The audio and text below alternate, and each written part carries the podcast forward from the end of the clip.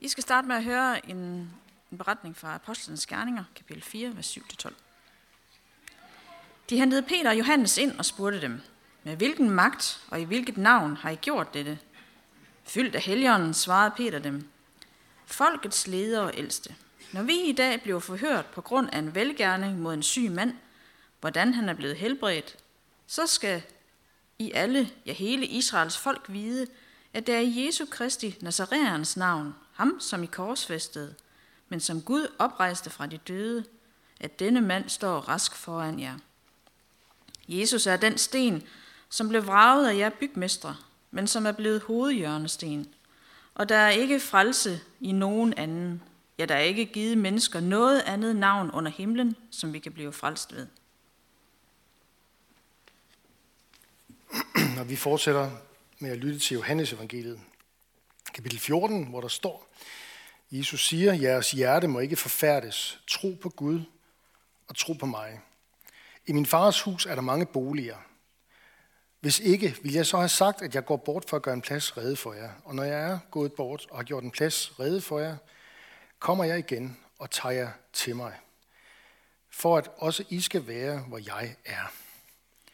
Og hvor jeg går hen, derhen kender I vejen. Thomas sagde til ham, Herre, vi ved ikke, hvor du går hen. Hvordan kan vi så kende vejen? Jesus sagde til ham, Jeg er vejen og sandheden og livet. Ingen kommer til faderen uden ved mig. Kender I mig, vil I også kende min far, og fra nu af kender I ham og har set ham. Filip sagde til ham, Herre, vis os faderen, og det er nok for os. Jesus sagde til ham, så lang tid har jeg været hos jer, og du kender mig ikke, Filip. Den, der har set mig, har set faderen. Hvordan kan du så sige, vis os faderen? Tror du ikke, at jeg er i faderen, og faderen er i mig? De ord, jeg siger til jer, taler jeg ikke af mig selv, men faderen, som bliver i mig, gør sine gerninger. Tro mig, at jeg er i faderen, og faderen er i mig. Hvis ikke, så tro på grund af selve gerningerne. Lad os bede. Jesus, vi beder om, at du vil give os mere af den tro, den tillid til dig, som overgår al forstand. Den har vi brug for. Amen. Jesus han taler i dag til sine disciple en, øh, de få dage inden han, øh, inden han dør. Det er en del af det, man i Johannes evangeliet kalder for afskeds, Jesu afskedstale, som løber derfra kapitel 13-14 stykker og så frem til kapitel 17, hvor øh, han beder en bøn for sine disciple. Øh, og øh, i dag, der er der, øh, der taler han om det her med, at der i Guds hus, i Guds rige, er mange boliger. Og øh, nu går han bort, og øh, han, skal ikke, han skal ikke derhen og bygge dem der, for de er der allerede, de boliger. Men han skal hen og indrette dem til Guds menighed.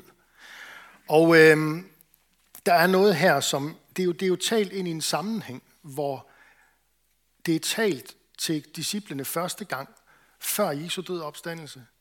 Vi hører det efter Jesu død og opstandelse. Og sådan har det været for langt, langt, langt de fleste kristne. Det var kun de én gang, at det blev sagt det her, før hans opstandelse. Alle de andre gange, hvor det her har lyttet i kirker ud over jorden, fra Johannes evangeliet, der har de hørt det på den anden side af Jesu død opstandelse. Og det øh, vil jeg komme lidt mere ind på. Men det ligger ligesom i øh, teksten her. Øh, at der er noget profetisk over det, Jesus han siger, når han siger, I skal ikke være bange. I skal ikke være urolige. I skal ikke være ængstelige. Så er grunden til, at vi ikke skal være det, jo netop det, der sker med ham i påsken. Der er ikke nogen anden grund. Men det er også nok. Det er derfor, han siger, det er derfor, han har mandat til at sige allerede på forhånd, på forskud, om jeg så må sige, I skal ikke være bange. Jeg tager mig af det her med synden og døden. Jeg bærer det selv. Jeg går ud af graven tre dage senere. Der foregår hvis man kigger efter, og jeg kan ikke anbefale at gøre det, Men indimellem, så kan man jo ikke undgå at se, at der foregår enormt meget her i verden, som man ikke skal komme for tæt på, af mørke og ondskab og uretfærdighed. Vi får det sådan i lidt lovlige store doser lige for tiden, med, med, med, øh, fordi krigen er kommet tæt på i Europa, og så oplever vi, hvordan det, hvad, hvad krig i virkeligheden er, ikke også, af ondskab. Den har altid været der i verden. Den har været der andre steder i lang tid, langt bort fra os, i Arabien eller Afrika, eller hvad ved jeg. Ikke også? Nu er det kommet tæt på, og lige pludselig så går det op for os. Hold det op. Der er der noget at være bange og urolig for. Og der er det her spørgsmål, jeg synes, der trækker sig på, når man møder et, et budskab fra Jesus. I skal ikke være bange. Og så ser, hvad der foregår rundt omkring. Så er det det her spørgsmål. Hvorfor i alvideste verden er det, at Gud ikke bare snart kommer og sætter en stopper for det? Kender I ikke godt det? Det er virkelig, virkelig ejendommeligt.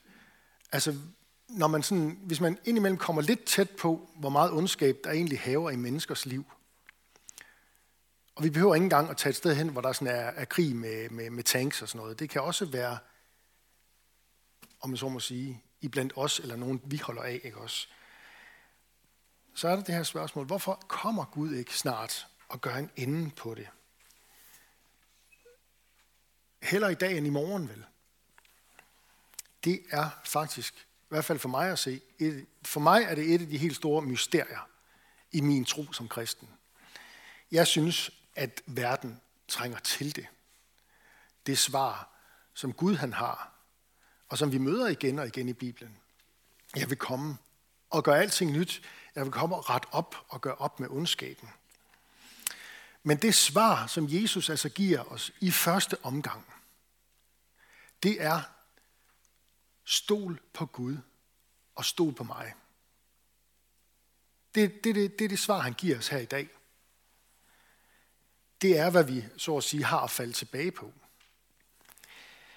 Det er, at øh, han beder os om at have tillid til, at Gud har den her verden i sin hånd. At Gud er historiens herre. Han er almægtig. Han er alvidende. Han er god. Og han har sine grunde til ikke at have lavet Guds rige bryde fuldt ind i verden endnu. Og jeg kan ikke forklare dig, hvad de grunde er. Men han giver os det her svar, Jesus. Stol på Gud og stol på mig. Tro på Gud og tro på mig. Ha' tillid til Gud. Ha' tillid til mig. Og så udfolder han det i samtalen med sine disciple. Han siger det her super, super berømte ord. Jeg er vejen og sandheden og livet. Sagt med lidt andre ord, så siger Jesus om sig selv, jeg er vejen til Gud. Jeg er sandheden om Gud. Jeg er livet med Gud.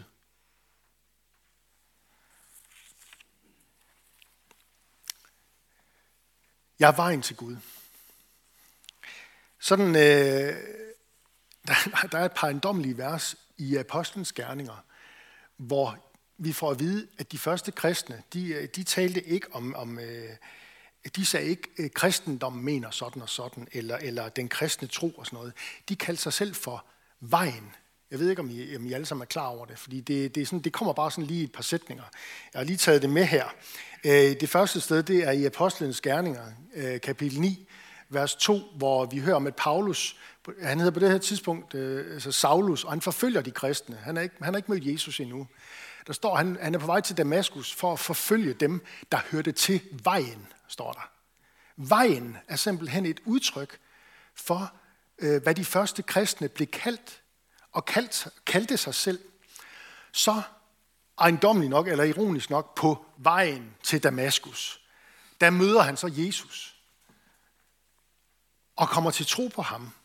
At ham, som han har forfulgt i virkeligheden, er det er sandt, det de kristne siger om ham. Han er Guds søn og verdens frelser. Og så, drager han, så kommer han selv til at tilhøre vejen. Og han siger senere i Apostlenes Gerning, kapitel 24, i en forsvarstale over for en, der hedder, der er stadholder, øh, en stadholder i Israel, Felix, der siger han, jeg bekender, at jeg følger vejen, som de kalder for et parti. Altså det er simpelthen blevet så fast et udtryk for de første kristne, at nogen har, har, har anset det for os at være en bevægelse eller et parti. Øh, jeg synes bare lige, at jeg vil dele det med jer. Altså, det hænger vel lidt sammen med det, Jesus siger om sig selv. Jeg er vejen. Så siger de første kristne, jamen vi er jo kristi læme. Hvad skal vi kalde os? Vi kalder os vejen. Eller de har talt om ham så meget, som at han var vejen til Gud. Det har været en del af deres, deres budskab. Sådan at, at folk, der stod og så på de kristne, de så deres tro som noget, der var en vej, som man blev kaldet til at gå. Ikke alene, sammen med andre. Og så i fællesskab, og nu kommer pointen, i fællesskab med ham, som sagde om sig selv, at han er vejen. Når Jesus siger, at han er vejen, så er det ikke fordi, at når du, slår, når du kommer til tro på ham, så, øhm, så er du ligesom så er du ligesom et stykke. Men der er stadigvæk noget, du skal, du skal sådan... Nej, du er ligesom... Du er der nu. Rejsen med ham, det er en del af selve målet. Rejsen er en del af selve målet. Fordi du er allerede hos ham. Hvad mere er der så? De vidste, de første kristne, at de på en måde allerede er ved målet, når de gik på vejen, for så var de sammen med Jesus. Sammen med Jesus. Så kan det ikke blive meget bedre. Så siger han, jeg er sandheden. Det betyder, at vi lærer sandheden om Gud at kende i mødet med Jesus. Og det i sig selv er en enorm befrielse. Fordi når vi læser i Bibelen, i både det gamle og det nye testamente, så møder vi nogle gange nogle ting, hvor vi tænker, hvad er det dog lige for noget, der sker her? Og der har det i hvert fald været en hjælp for mig. Det Jesus han siger her, at hvis du vil vide, hvem faderen er, hvis du vil se Gud, så skal du se på mig. Han siger til, direkte til dem, fra nu af kender I ham, altså faderen, og I har set ham. Ja, det er muligt at se Gud, faderen, i skikkelse af Jesus. Han er Guds udtrykte billede. Han er Guds udtrykte billede. Det kommer til udtryk på den måde her, om i, øh, i starten af Hebræerbrevet kapitel 1, vers 3, der står der om Jesus, at han er Guds herlighedsglans og hans væsens udtrykte billede, og han bærer alt med sit mægtige ord. Det er altså Jesus, der taler om. Han bærer alt med sit mægtige ord. Han er Guds væsens udtrykte billede. Vi lærer sandheden om Gud og om os selv at kende, når vi lærer Jesus at kende. Og man kan kende øh, mennesker, eller man kan, kendes, øh, man kan få kendskab til andre på forskellig vis. Man kan kende nogen på to måder, kan man sige. Den ene måde, det er, at man har et kendskab om en person. Det vil sige, at man har en viden, en vis viden om den og den person. Men jeg har ikke mødt ham. Altså, jeg har for eksempel en vis viden om Bob Dylan i al beskedenhed. Ikke også? Jeg kan godt lide hans musik. Jeg har en vis viden om det. Men jeg har faktisk aldrig mødt ham. Jeg læste øh, på YouTube forleden, hvor jeg hørte en Dylan-sang, at der var en, der skrev dernede. Jeg mødte ham faktisk lige for tre uger siden på vej ind i en, øh, i en, øh, en grocery shop, eller i supermarkedet. Og så blev jeg så overrasket, at jeg bare sagde, godmorgen, Mr. Dylan. Og så sagde han godmorgen, og så gav han mig lige en fistbump. Og så var, skulle I bare se kommentarerne længere ned, ikke også? Folk, de var helt vilde, fordi de kan også godt lide hans musik, men det der med at komme helt tæt på, og lige få en, så det var bare sådan noget med, at du må aldrig vaske den hånd og sådan noget, ikke også? Alt det der, ikke? Øh, det er meget cool, ikke? Man kan have et kendskab til en person. Jeg har måske læst en bog, jeg har hørt noget musik, jeg har øh, på afstand øh, lyttet til ham eller hende. Det er den ene måde, du kan have et kendskab. Den anden måde, du kan have kendskab, det er, når du rent faktisk kender en person. virkeligt. Altså, at du er i en relation til hinanden. I kender hinanden. Vi taler om et tæt venskab. Vi taler om kærlighed, ægteskab, slægtskab. Altså de her ting, hvor man har rejst igennem livet sammen, tæt. Det er i den sidste forstand, det handler om, når det handler om at kende Gud. Kristen tro, det handler om det sidste. Det handler om at kende Gud igennem det at møde Jesus, for han er sandheden om Gud. Og så lige en ting mere omkring det her med, når Jesus siger, jeg er sandheden. Det får mig til at tænke på, at der er jo en stor kamp lige nu. Det har altid været, men der er en kamp øh, i verden om sandhed lige nu, som jeg har en fornemmelse af, øh, er ret intens og fører en, en, en temmelig stor sådan polarisering med sig. Øh, og det er en polarisering, der også, øh, vi også er i fare for at komme med ind i den kristne menighed. En kamp om sandheden. Jeg tænker politisk. Jeg tænker kulturelt. Jeg tænker etisk. Hvilken vej skal vi med vores samfund? Altså det, det er jo det, politik handler om og sådan noget. Ikke også? Og hvordan skal vi forholde os til det og det og det og det og det? Det bliver vi bombarderet med. Jeg tror måske, det har noget at gøre med de sociale medier. At vi, vi, kan, vi får hele tiden, og det er ikke bare altid argumenter, det er også nedskamning af de andre og sådan noget. Ikke også? Så der, der fører ofte sådan en polarisering med. Det gælder altså den her kamp om sandheden politisk, men det gælder også kulturelt, og det gælder etisk osv. Kampen om, hvad er egentlig et menneske? Hvem har ret til at sige øh, sandheden? Eller hvem, hvem har egentlig den? Og øh, det kan man sige meget mere om. Jeg vil bare lige nu sige, at modgiften, vaccinen imod polarisering og splittelse, det er, at vi øver os i at være rettet i fællesskab imod Jesus, Guds søn og verdens frelser, som siger om sig selv, at han er sandheden. Eller sagt med en anden, på en anden måde, de gode nyheder om Jesus, evangeliet om Jesus, det er vores bærende sandhed som kirke. Og ikke noget andet. Hvis det lige pludselig bliver noget andet, det kan også være noget andet, der er sandt og godt, men som er perifært. Hvis det bliver det, det kommer til at handle om, og ikke det, der er det helt centrale, så risikerer vi en polarisering og en splittelse. Nu er jeg tilbage til det, jeg startede, nu går jeg tilbage til det, jeg startede med at sige omkring det øh, med før og efter opstandelsen. Fordi det var først efter Jesu korsfæstelse og død og opstandelse, at de første disciple, de blev gjort bevidste om, at det er Jesus, der er vores bærende centrum. Før da, før hans død og opstandelse, der tager de ofte fejl. De skændes. De misforstår ham i en sådan grad, at når man læser i evangelierne, så har man nogle gange nærmest en mistanke om, at det her med discipleskab, det skal man ikke altid kigge på og ophøje til et ideal, når vi ser på, hvordan disciplene opførte sig før. De er måske nærmere en afspejling af, hvordan det ikke lykkes for os heller i dag altid. Hvis I kan få den øh, pointe med. Ja. Øh, men der sker noget med dem, og også med deres tro, og med deres håb og deres tillid til Jesus, efter hans død og opstandelse.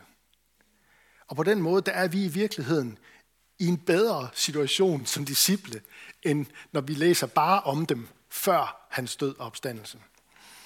For efter at have mødt ham som den korsfæstede opstandende, der er der noget, der bliver forandret hos dem. Der hører de de her ord. Stol på Gud, stol på mig.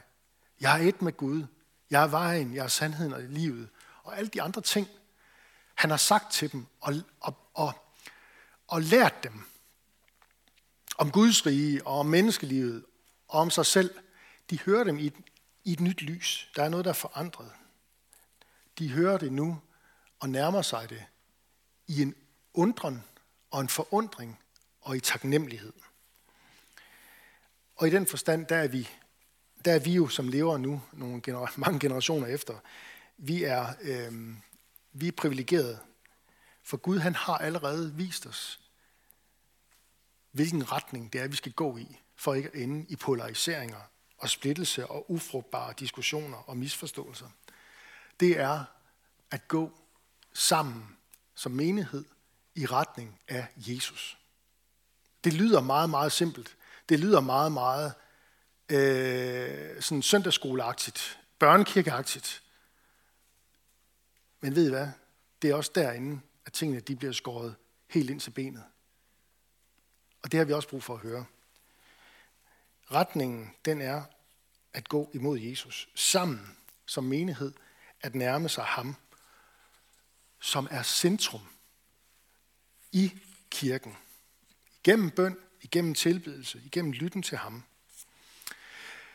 Nogle gange, der kan man møde den opfattelse, at vi skal tilbage til et eller andet, jo, tid, jo længere vi kan komme tilbage i tid i apostlenes gerninger og i evangelierne og sådan noget, og forstå, øh, hvordan de levede dengang, så fanger vi vel på et eller andet tidspunkt det ægte, det ægte menighedskoncept, som bare er blevet udvandet og udvandet og udvandet igennem tiden. Ikke også?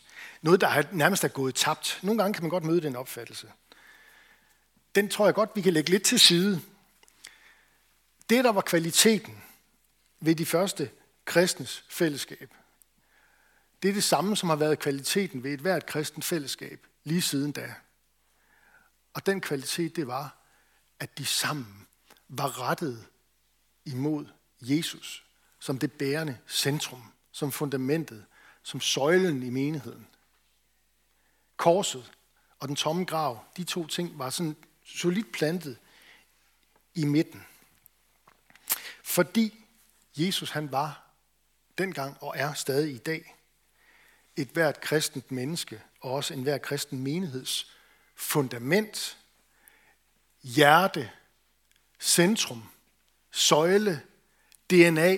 Hvad vil du have? Altså alle de her sådan store ord.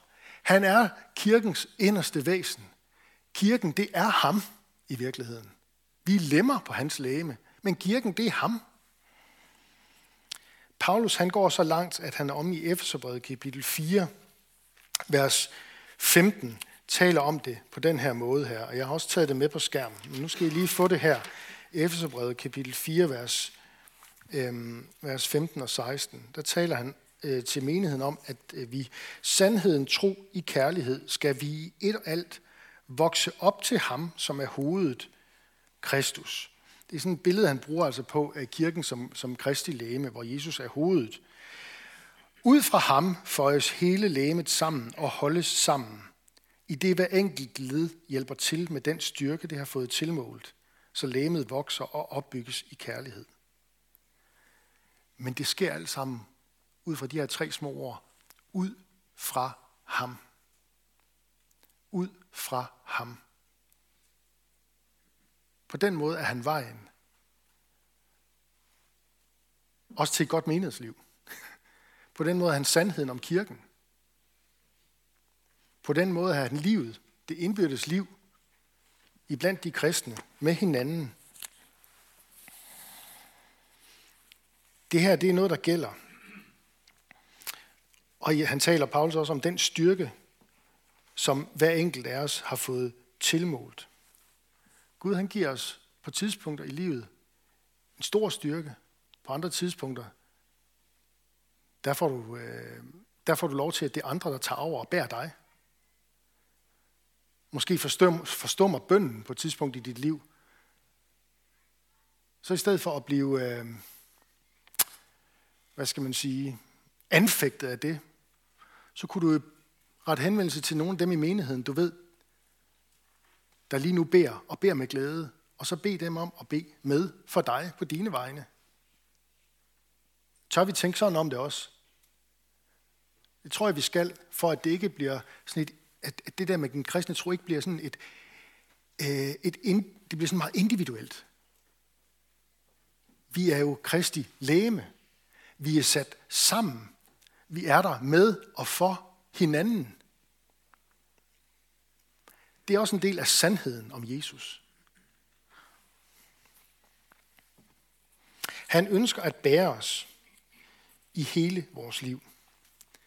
I hverdagen, der leves. Hvad enten du har et arbejde, eller lige nu er arbejdsløs. Når du tager en uddannelse. Når du får stiftet en familie. De naboer, du har. De fritidsinteresser, du har. Det gælder også om søndagen. Og det kan godt være, at du kan mærke det på en særlig måde om søndagen, når, der, når vi samles her, og der er nogen, der har, der har øvet på nogle sange endda, og der bliver bedt bønder, og der bliver prædiket osv. Der kan vi måske godt mærke det på en særlig måde. Men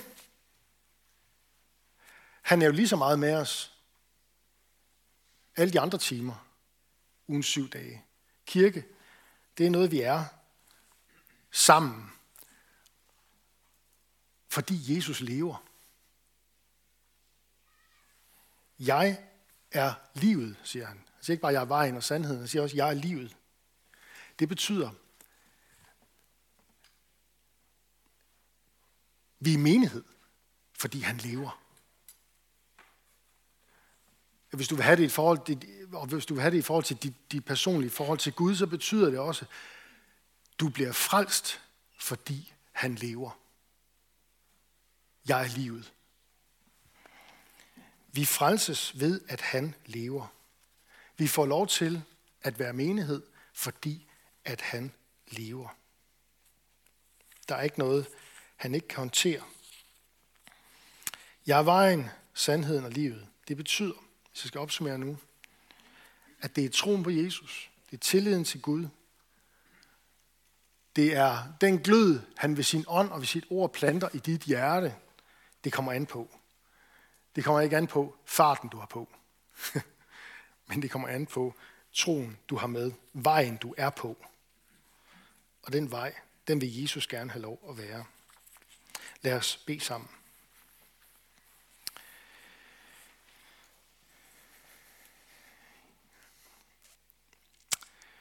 Jesus, vi tager dig for dit ord til os i dag. Tak fordi, at du minder os om, at du, har, du er den, der selv har, har skabt og formet og bygget din menighed, din kirke, som vi får lov til at være en lille del af her i, øh, i vores by. Tak fordi det er dig, der holder os sammen, og dig, der vander os og gøder os og velsigner os med dit ord, sådan at vi kan blive sammen bygget op til at være et øh, fællesskab for Gud på dit ord i åndens kraft. Vi takker dig for fællesskabet lige nu omkring gudstjenesten. Tak fordi vi kan mødes i frihed og tilbe dig, og tak fordi at vi også om ikke så lang tid kan gå videre ud i livet, ud i søndagen og ud i ugen, der kommer, i tillid til, at der går du også med os. Og der er det også i vores dagligdag en gudstjeneste, hvor vi får lov til at leve til din ære. Vi beder om, at du i alt det vil udruste os med nådegaver til fælles gavn og opbyggelse og lære os at række ud over vores egen behov. Vi beder for menighedens børn, både de fødte og de ufødte. Beskærm du dem og lad dem få lov at vokse op i tro på dig.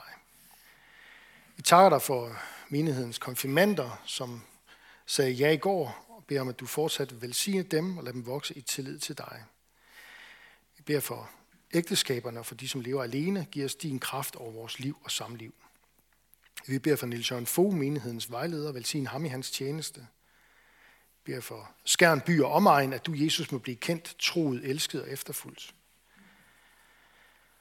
Og så beder vi om, at du vil være nær hos alle, der er ramt af sorg, sygdom og lidelse. Giv os mod til at være til stede og visdom til at lindre smerten hos hinanden som dit læme. Vær der for hinanden. Vi vil være stille et øjeblik og bede for en situation eller et menneske, der har brug for Guds hjælp.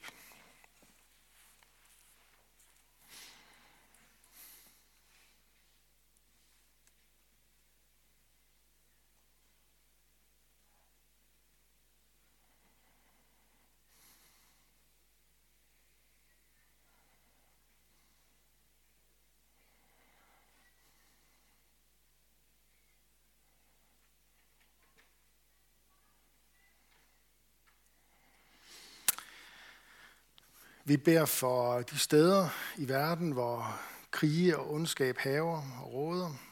Vi beder om, at mennesker må, øh, må finde en vej ud af det. Vi beder om, at de kristne der må,